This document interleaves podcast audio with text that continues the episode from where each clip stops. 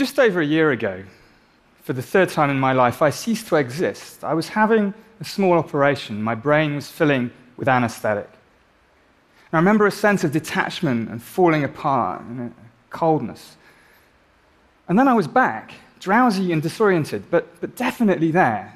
Now, when you wake from a deep sleep, you might feel confused about the time or anxious about oversleeping, but there's always a basic sense of time having passed, of a continuity between then and now. And coming around from anesthesia is very different. I could have been under for five minutes, five hours, five years, or even 50 years. I simply wasn't there. It was total oblivion. Anesthesia, it's a modern kind of magic. It turns people into objects, and then we hope back again into people. And in this process is one of the greatest remaining mysteries in science and philosophy. How does consciousness happen? Somehow, within each of our brains, the combined activity of many billions of neurons, each one a tiny biological machine, is generating a conscious experience. And not just any conscious experience, your conscious experience right here and right now. How does this happen?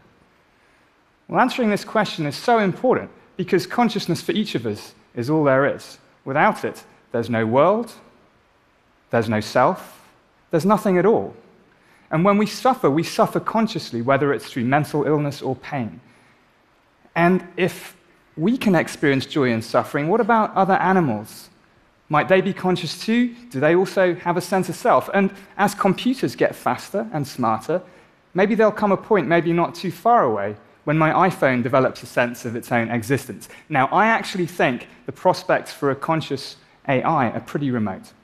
And I think this because my research is telling me that consciousness has less to do with pure intelligence and more to do with our nature as living and breathing organisms. Consciousness and intelligence are very different things. You don't have to be smart to suffer, but you probably do have to be alive.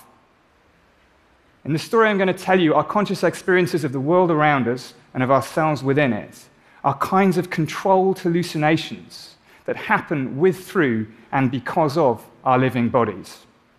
Now, you might have heard that we know nothing about how the brain and body give rise to consciousness. Some people even say it's beyond the reach of science altogether.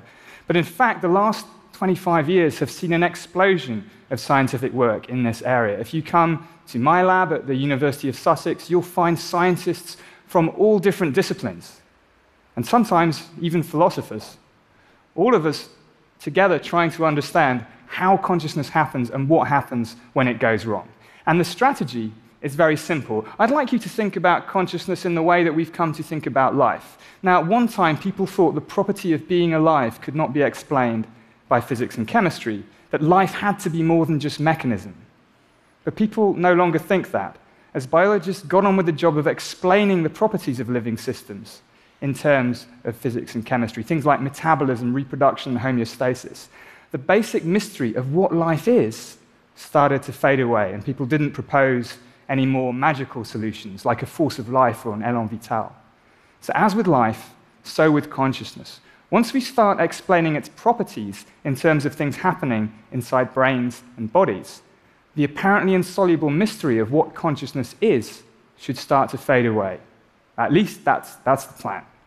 So let's get started. What are the properties of consciousness? What should a science of consciousness try to explain?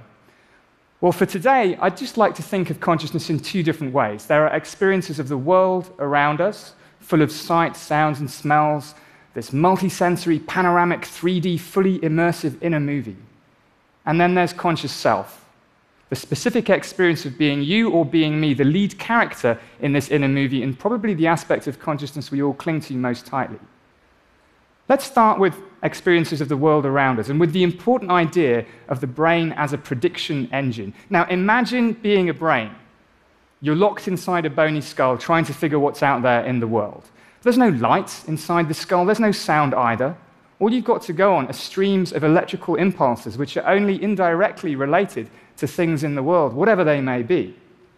So, perception, figuring out what's there, has to be a process of informed guesswork in which the brain combines these sensory signals with its prior expectations or beliefs about the way the world is to form its best guess of what caused those signals. The brain doesn't hear sound or see light. What we perceive is its best guess of what's out there in the world. Let me give you a couple of examples of all this. Now, you might have seen this illusion before, but I'd like you to think about it in a new way. If you look at those two patches, A and B, they should look to you to be very different shades of grey, right? But they are, in fact, exactly the same shade. And I can illustrate this if I put up a second version of the image here and join it, join the two patches with a grey coloured bar, and you can see there's no difference. It's exactly the same shade of grey. And if you still don't believe me, I'll bring the bar across and join them up. It's a single colored block of grey. There's no difference at all. So this isn't any kind of magic trickery. It's the same shade of grey, but take it away again, and it looks different. So what's happening here is that the brain is using its prior expectations built deeply into the circuits of the visual cortex that a cast shadow dims the appearance of a surface so that we see B as lighter than it really is. Here's one more example, which shows just how quickly the brain can use new predictions to change what we consciously experience. Have a listen to this.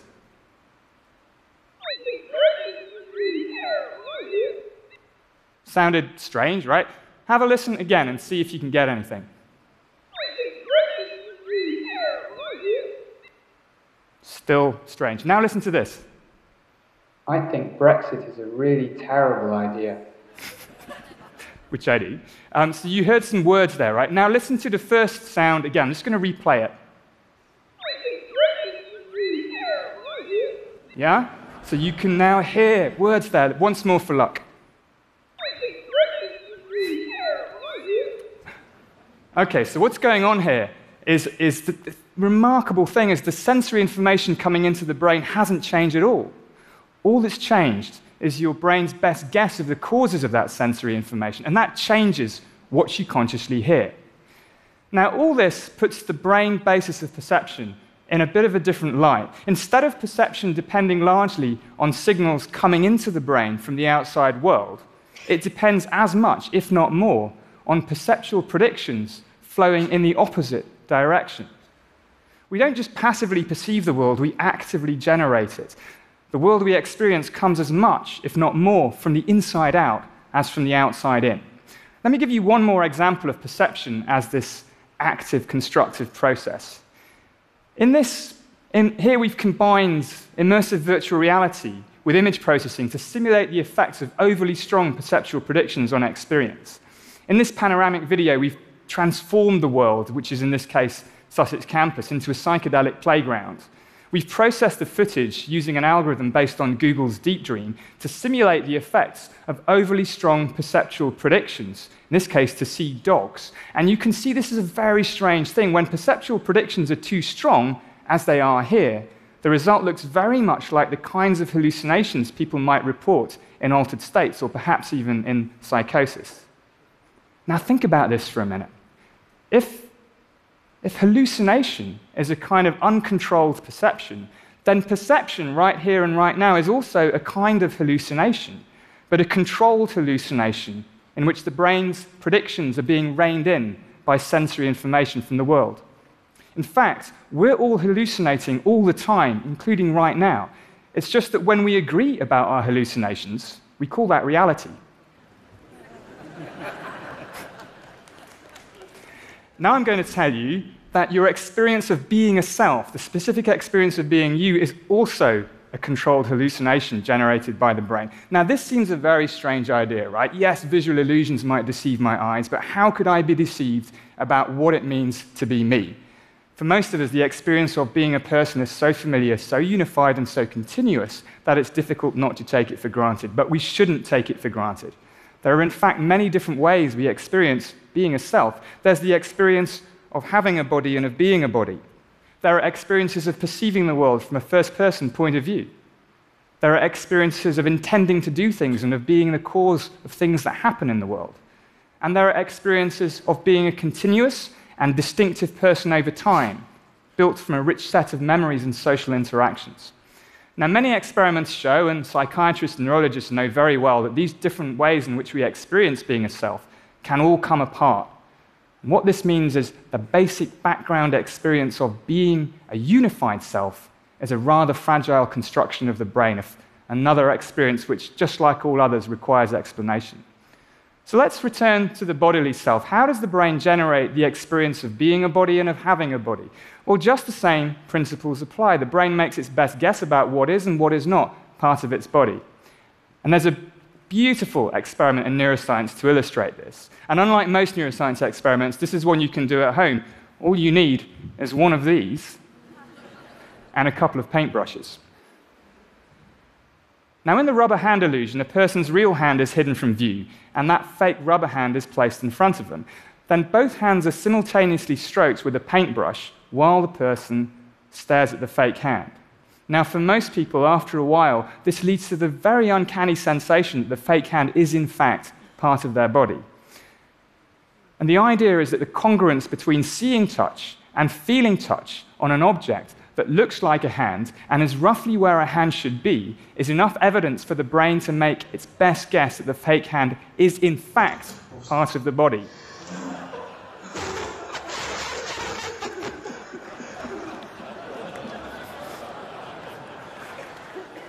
So you can measure all kinds of clever things, right? You can measure skin conductance and startle responses, but there's no need. It's clear the guy in blue has assimilated the fake hand. Now, this means that even experiences of what our body is is a kind of best guessing, a kind of controlled hallucination by the brain. Now, there's one more thing. We don't just experience our bodies as objects in the world from the outside, we also experience them from within. We all experience the sense of being a body from the inside. And sensory signals coming from the inside of the body are continually telling the brain about the state of the internal organs, how the heart is doing, what blood pressure is like, lots of things. And this kind of perception, which we call interoception, is rather overlooked, but it's critically important because perception and regulation of the internal state of the body, well, that's what keeps us alive. Here's another version of the rubber hand illusion. This is from our lab at Sussex. And here, people see a virtual reality version of their hand, which flashes red and back either in time or out of time with their heartbeat. And when it's flashing in time with their heartbeat, people have a stronger sense that it's in fact part of their body. So experiences of having a body are deeply grounded in perceiving our bodies from within. There's one last thing I want to draw your attention to, which is that experiences of the body from the inside are very different from experiences of the world around us. When I look around me, the world seems full of objects tables, chairs, rubber hands, people, you lot. Even my own body in the world, I can perceive it as an object from the outside. But my experiences of the body from within, they're not like that at all. I don't perceive my kidneys here, my liver here, my spleen. I don't know where my spleen is, but somewhere. Um, I don't perceive my insides as objects. In fact, I don't experience them much at all unless they go wrong. And this is important, I think. Perception of the internal state of the body isn't about figuring out what's there, it's about control and regulation, keeping the physiological variables within the tight bounds that are compatible with survival. When the brain uses predictions to figure out what's there, we perceive objects as the causes of sensations. But when the brain uses predictions to control and regulate things, we experience how well or how badly that control is going. So, our most basic experiences of being a self, of being an embodied organism, are deeply grounded in the biological mechanisms that keep us alive. And when we follow this idea all the way through, we can start to see that all of our conscious experiences, since they all depend on the same mechanisms of predictive perception, all stem from this basic drive to stay alive. We experience the world and ourselves with, through, and because of our living bodies. Let me bring things together step by step. What we consciously see depends on the brain's best guess of what's out there. Our experienced world comes from the inside out, not just the outside in. The rubber hand illusion shows that this applies to our experiences of what is and what is not our body. And these self related predictions depend critically on sensory signals coming from deep inside the body. And finally, experiences of being an embodied self are more about control and regulation than figuring out what's there. So, our experiences of the world around us and ourselves within it, well, they're kinds of controlled hallucinations that have been shaped over millions of years of evolution to keep us alive in worlds full of danger and opportunity. We predict ourselves into existence. Now, I'll leave you with three implications of all this. First, just as we can misperceive the world, we can misperceive ourselves when the mechanisms of prediction go wrong. Understanding this opens many new opportunities in psychiatry and neurology because we can finally get at the mechanisms rather than just treating the symptoms in conditions like depression and schizophrenia. Second, what it means to be me cannot be reduced to or uploaded to a software program running on a robot, however smart or sophisticated. We are biological flesh and blood animals whose conscious experiences are shaped at all levels by the biological mechanisms that keep us alive. Just making computers smarter is not going to make them sentient. Finally, our own individual inner universe, our way of being conscious, is just one possible way of being conscious. And even human consciousness generally, it's just a tiny region in a vast space of possible consciousnesses. Our individual selves and worlds are unique to each of us, but they're all grounded in biological mechanisms shared with many other living creatures. Now, these are fundamental changes in how we understand ourselves, but I think they should be celebrated because, as so often in science, from Copernicus, we're not at the center of the universe, to Darwin, we're related to all other creatures, to the present day.